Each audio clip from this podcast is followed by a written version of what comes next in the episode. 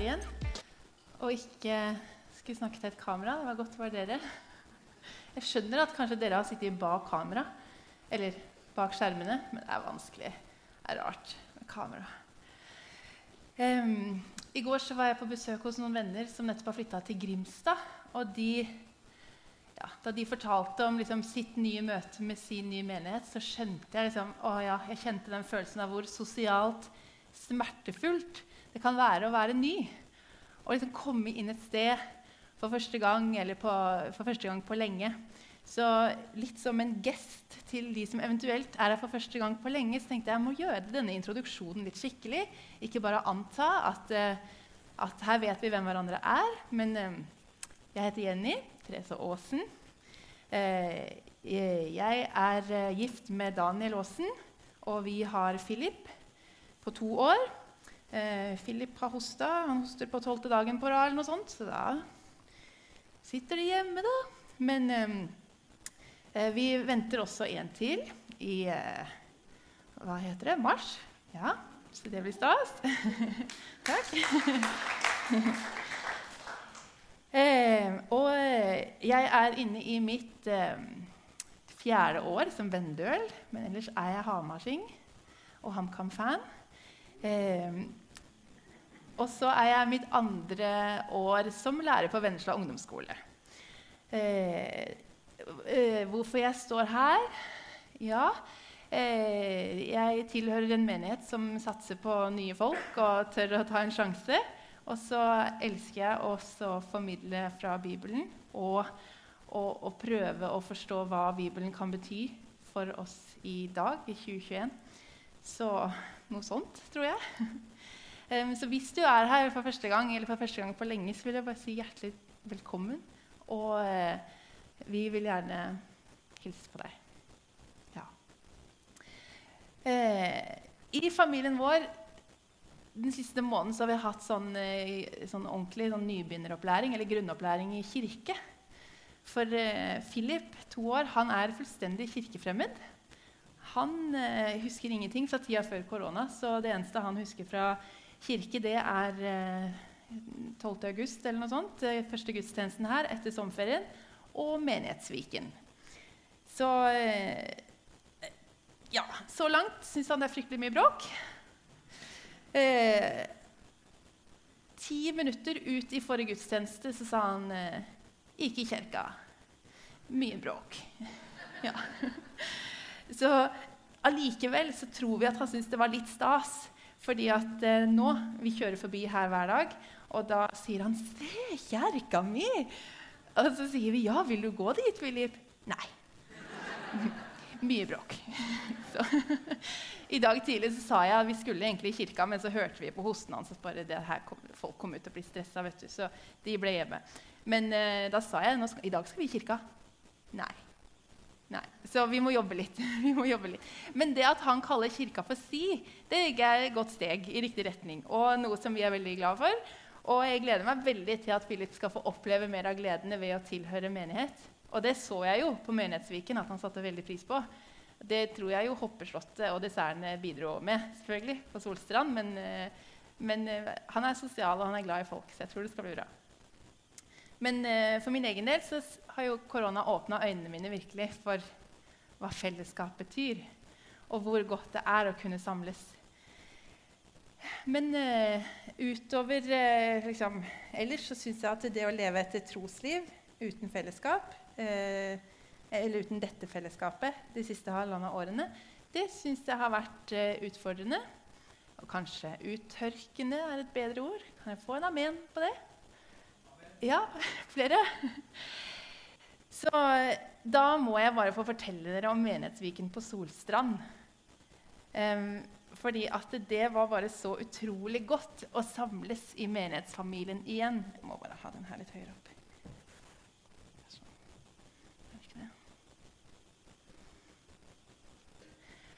Det var så fint å få forkynnelse og høre andre fortelle om Gud og å få lovsynge sammen igjen.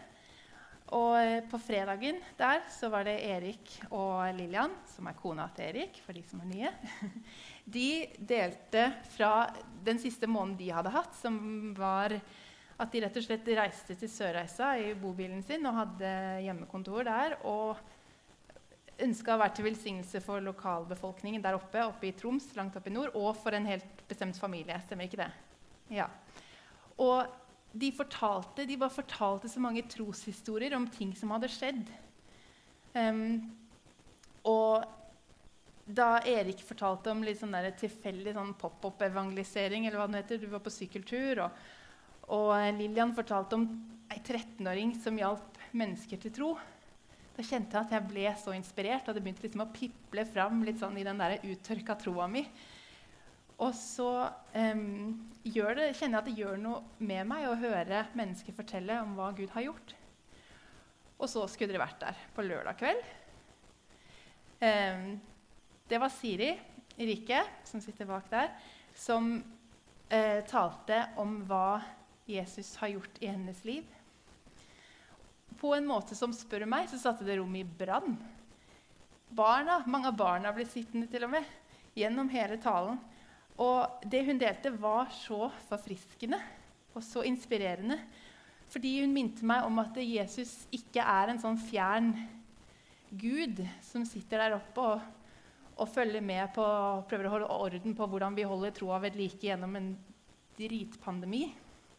Men han er en gud som ser akkurat hva vi står i, og som har så lyst til at vi skal få kjenne på den freden og det håpet, den gleden og den friheten midt oppi denne pandemien og midt oppi det vi står i. Og det hadde jeg glemt. At Gud var sånn. Så satt jeg der, og så visste jeg med meg selv at jeg skal tale om to uker. Jeg kjempa litt med temaet. For det jeg skulle jo tale om i denne taleserien som vi er i, å være håp for andre. Og så innså jeg vel at jeg nesten hadde glemt hva det ville si å håpe selv. Eh, og hvordan kunne jeg da tale om hva det ville si å være håp for andre? Så, sånn tenkte jeg inntil jeg satt der i salen på Menighetsviken og kjente at eh, når andre delte med meg om hva Gud hadde gjort, så fikk jeg jo håp av det. For Erik og Lillian de minna meg om håpet som vi har i Jesus, når de fortalte, og når de delte med oss om hva Gud hadde gjort gjennom dem. Da ble jeg minnet på hvem Gud var. Og Siri minna meg på håpet om at Gud vil at vi skal ha håp og fred, når hun fortalte, og når hun delte hva Gud hadde gjort i hennes liv. Så da ble jeg minnet på hvem Gud var, jeg ble minnet på hva Gud er i stand til. Og jeg ble faktisk minnet på noen av de tingene som Gud har gjort i mitt eget liv, som jeg hadde glemt. Så det har leda meg til at hele målet for dagens tale er å fokusere på hva Gud har gjort. For når vi minner hverandre på hva Gud har gjort, da kan vi faktisk bringe håp til hverandre. Eller være håp for andre. Fordi vi kanskje, med overveiende sannsynlighet, spør du meg, er en gjeng med mer eller mindre uttørka kristne som bare får komme i kirka når det passer pandemien sånn, akkurat sånn. Eh, men vi lengter etter Gud, tror jeg. Og så klarer vi ikke alltid å holde den ilden gående selv. Så vi trenger hverandre. Så her kommer det en liten advarsel, og det er at i slutten av talen så kommer det til å være åpent for at hvis det er noen som har lyst til å dele noe som Gud har gjort for dem Det kan være så lite, men det kan bety så mye for noen andre å høre. Så hvis noen har lyst til å dele det, så skal de få lov til det. Og det er ikke obligatorisk, så slapp av. Men eh, la meg fortelle dere at det er ikke noe underlig eller noe galt med det å trenge hverandre. Bibelen er stappfull av påminnelser om at vi må huske å minne hverandre på hva Gud har gjort. Fordi Gud er helt kjent med at vi mennesker, vi glemmer. Så jeg pleier å tenke på Gud som ferskvare. At det, det holder ikke med ett møte med Gud, og så er vi liksom grunnfesta for resten av livet. Vi trenger stadige påminnelser, stadige møter med hverandre. Um, for å minne oss selv på hvem Gud er. Og vi trenger å møte ham igjen og hjem, ellers så glemmer vi. Vi glemmer hvem han er.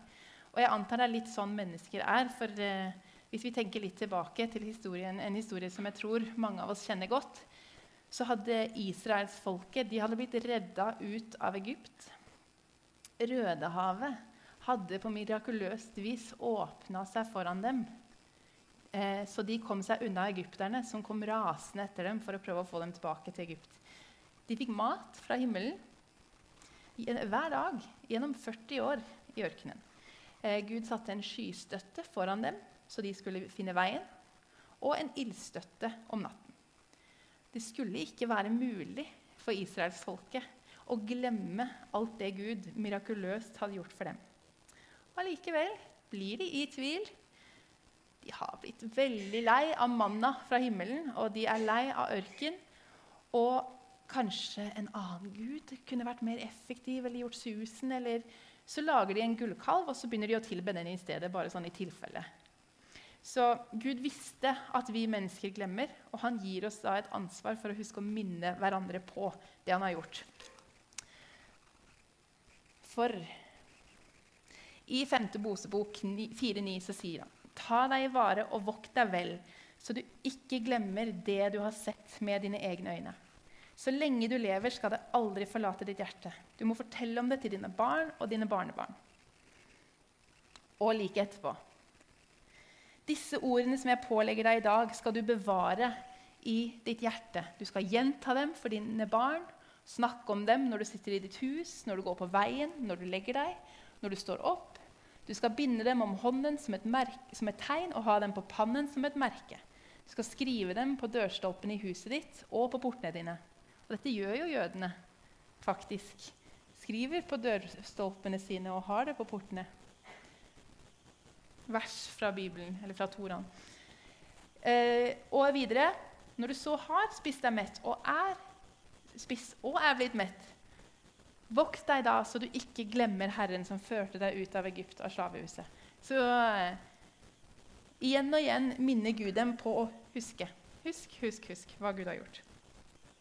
Så Da Siri på lørdagskveld på Menighetsviken fortalte oss så rått og så ærlig om hva Jesus har gjort i hennes liv, og minte oss på at Gud ønsker at vi skal ha håp og fred, så kom jeg på at eh, Jesus har gjort noen skikkelig viktige ting i mitt liv også.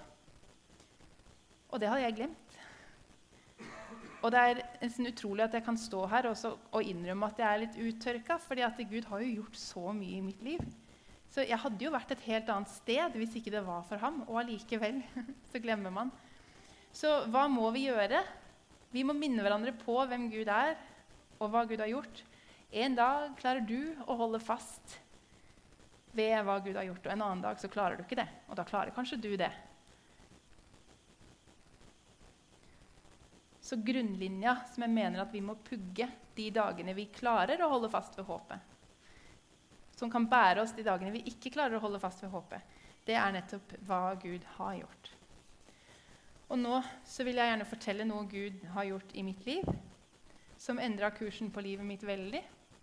Fordi jeg antar at det kanskje kan bety noe å få høre hva Gud har gjort for andre. Selv om det var noe som bare skjedde med meg, og det skjedde for lenge siden. For Nå skulle vi kanskje hatt en svart skjerm. Vil du bare gjøre den svart, kanskje, sånn at det ikke trenger å stå der? Min ungdom tenker jeg tilbake på som eh, veldig vanskelig. Jeg hadde venner. Jeg var en del av ungdomsmiljøet i Frikirka på Hamar, og jeg trivdes på skolen. Så på mange måter hadde jeg det godt, og folk rundt meg tenkte nok at jeg hadde det godt. Eh, men jeg slet så veldig med tankene mine. Foreldrene mine hadde skilt seg da jeg var fire. Og de hadde samtidig gått hver sin trosvei. Mamma var kristen, og pappa ble en ateist. Um, og så er det vel noe med tenårene og det å måtte finne sin egen vei. Eh, finne ut hvem man selv er, frigjort fra hvem mamma og pappa er, og hva mamma og pappa tror. Jeg klarte ikke det. Jeg følte jeg sto i en skikkelig identitets- og troskrise og en stor lojalitetskonflikt. Um, og jeg hadde null tiltro til hva jeg tenkte, hva jeg følte eller hva jeg trodde. Jeg hadde ikke lært meg det, å ha tiltro til det. Så jeg var bare veldig opptatt av hva andre mente at jeg skulle være, tenke, føle og tro. Og med to så store motpoler bare i min egen nærmeste familie så ble det helt umulig for meg å finne ut hvem jeg var. Um, og hva jeg trodde, uavhengig av hva mamma og pappa og verden rundt trodde. Så jeg havna i en form for en krise som varte til jeg ble 23.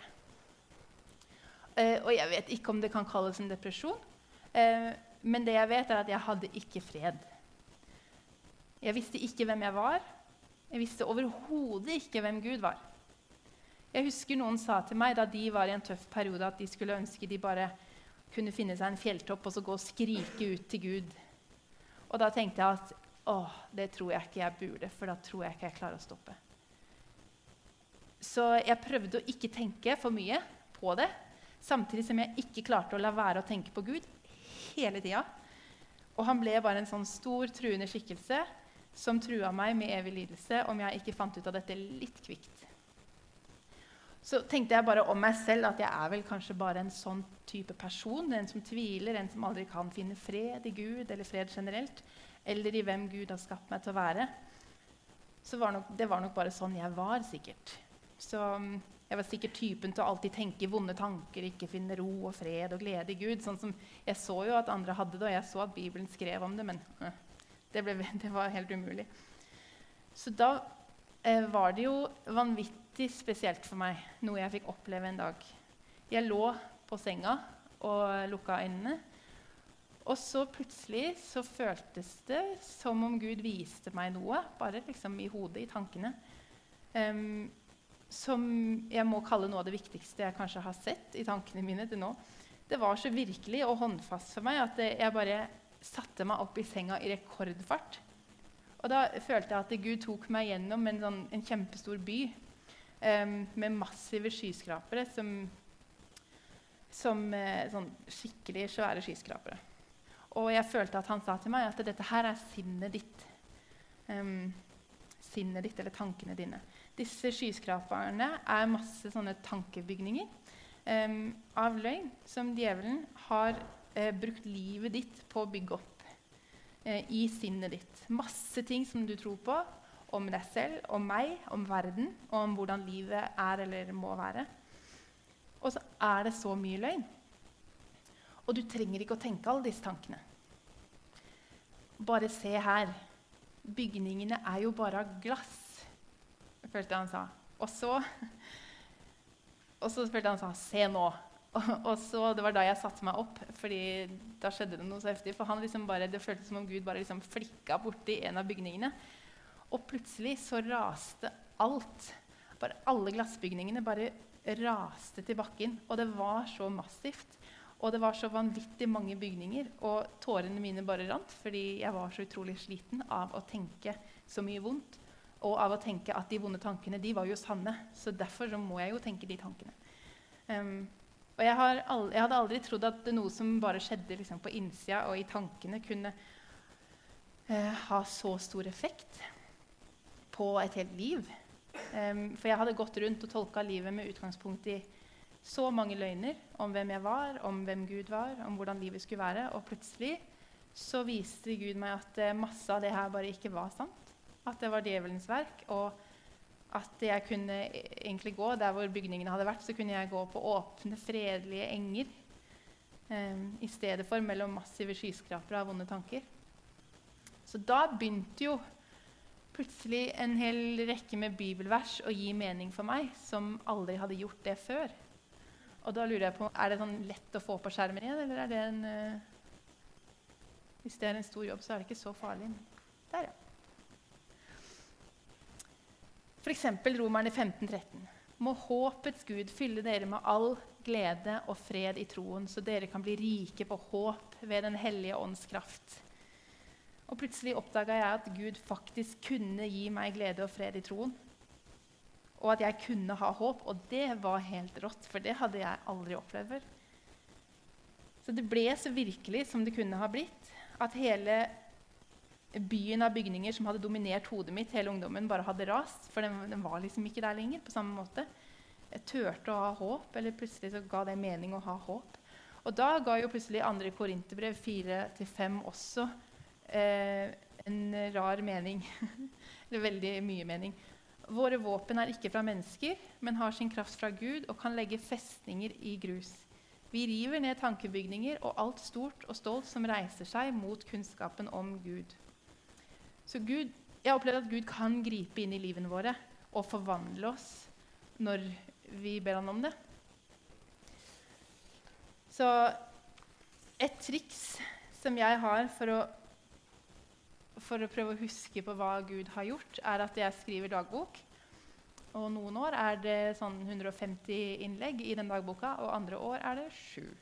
Men den er der, og den er alltid med. Og så har jeg fått en sånn eh, vane å be på en måte mens jeg skriver, eller at jeg liksom skriver bønnene mine. Og, og, da har jeg det faktisk svart på hvitt, liksom, hva jeg har bedt om, og hva jeg har strevd med. For det er jo gjerne de tingene jeg strever med, som jeg ber om. Også. Og så når man leser gjennom dagboka si senere, som ethvert normalt menneske vel gjør iblant, eller? så kan man plutselig gjenkjenne at den bønnen der, den, den, jo, den har jo blitt besvart. Dette her har jo jeg dette, jeg huska ikke at jeg hadde bedt om det engang, men jeg har jo bedt om det. og se, Nå er jeg jo på et litt annet sted i livet og strever jo ikke så mye med det. Og da kan man plutselig få en påminner om at Gud kanskje hørte bønnen min. Så det å skrive ned det man står i og jobber med, eh, og ber til Gud om, det kan være et utrolig nyttig verktøy for å oppdage senere at Gud har vært trofast, og at han har hørt våre bønner. For vi glemmer skremmende fort hva det er vi har bedt om, og hva det er vi har strevd med. Og det er jo også en god ting. på en måte. Deilig å glemme litt. Men veldig nyttig når vi kan se tilbake og se at Gud har hørt. Og jeg tror man vil bli overraska over hvor mye Gud hører. Jeg tror nesten Noen ganger så ber vi bønner, og så venter vi nesten ikke på å se om vi får svar. For det føles jo ikke så veldig Ja, ja da, håper han har hørt. Men, Men der kan man faktisk få litt mer sånn konkret. Men og dette er kanskje det viktigste jeg skal si, det er at det, uavhengig om man har sånne her, eh, veldig sånn personlige, spesielle opplevelser med Gud, så har vi nok av ting å minnes og huske på at Gud har gjort. For Jesu død på korset var langt viktigere for både meg og for menneskeheten enn at han gjorde noe med tankebygningene i mitt sinn. For det altså det at han allikevel bryr seg om tankebygningene i mitt sinn, det er jo bare helt utrolig. Men det viktigste gjorde han for lenge, lenge siden. Og med Jesu død på korset så har han faktisk åpna veien for at vi kan ha en relasjon med Gud uavhengig av hvem vi er, uavhengig av hva vi har gjort. Og han har åpna veien for en evighet med Gud, og dermed for at vi kan ha muligheten til å ha inderlig fred og inderlig håp uavhengig av omstendighetene vi står i. Og dette er jo et mirakel som vi alle har fått del i, og det absolutt viktigste som vi må huske. Så Jeg drømmer jo om at vi kan være et folk og en menighet som er full av mennesker som har håp og som har fred, uansett hvor tilsynelatende håpløse eller ufredelige omstendighetene våre er. At vi er et folk som vet hvem vi er, at vi vet hvem Gud er, og at vi kan leve mer og mer ut fra den Gud har skapt oss til å være. Og mindre og mindre ut fra løgner som strømmer til oss fra alle kanter. Og så drømmer jeg også om at vi skal våge å fortelle noe om det til andre. fordi det, det, gir jo, det gir jo andre mennesker håp om at kanskje Gud er den de håper han er. Og at det, det, kan gi håp om at Gud kan sette dem også fri fra det de står i. Nå har jeg lyst til å be en bønn, og så kommer jeg til å avslutte. Også hvis noen kjenner at de sitter inne med noe som Gud har gjort for dem, så er det min bønn at du vil dele det med oss. Og kanskje er vi så uttørka at vi har glemt hva Gud har gjort, eller at man rett og slett sitter der helt tom. ikke sant? Jeg kan ikke huske at Gud har gjort noe for meg. Um, og det er også lov. Men hvis noen har noe, så, så del det med oss. Um, og ta uansett med deg utfordringen. fordi uh, jeg, mener, jeg, mener, helt på alvor at når vi kan fortelle sånne historier til hverandre, så, så kan vi faktisk bringe håp til andre som kanskje har mista det. Uh, så tenkte jeg at lovsangsbandet kan få bare komme opp og spille litt. Og så lar vi mikrofonen der stå ledig en liten stund. Um, og så husk for all del å ikke ta på mikrofonen. Dere må ikke finne på å ta på mikrofonen. Dere får strøm ja, hvis dere tar på mikrofonen. Det er veldig viktig. Ja. To meter unna mikrofonen helst. Nei da. av smittevernhensyn så stå helst bare og snakke inn i den, og, så, og ikke ta på den. Så har jeg lyst til at dette bibelverset her kan stå oppe litt. Um, og at vi kan få grunne på det en liten stund. At Jesus sier, 'Kom til meg, alle dere som strever og bærer tunge byrder, og jeg vil gi dere hvile.' Ta mitt åk på dere og lær av meg, for jeg er mild og ydmyk av hjerte. Så skal dere finne hvile for deres sjel, for mitt åk er godt, og min byrde er lett. Og Jesus, takk for at det i deg så er fred og håp, uavhengig av akkurat hva vi opplever i livene våre, uavhengig av hvor ufredelige vi føler oss, eller hvor håpløst vi føler at ting er. Og jeg ber om at du skal hjelpe oss å forstå at det du, det du kan gi oss, det er sterkere, det er større enn de omstendighetene vi står i. Så ber jeg om at du skal bare gi oss litt sånn hjelp til å finne ut hvordan søren kan vi, kan vi ta del i det, da? For det er jo kjempevanskelig. Og vil du bare minne oss på det når vi drikker kaffen i ettermiddag, eller når vi legger oss i kveld, eller våkner i morgen tidlig, eller bare noen øyeblikk hvor vi sitter, hvor vi plutselig kan oppdage at du kanskje ga litt mening allikevel, eller at du, du, du har jo kanskje noe inn i den situasjonen.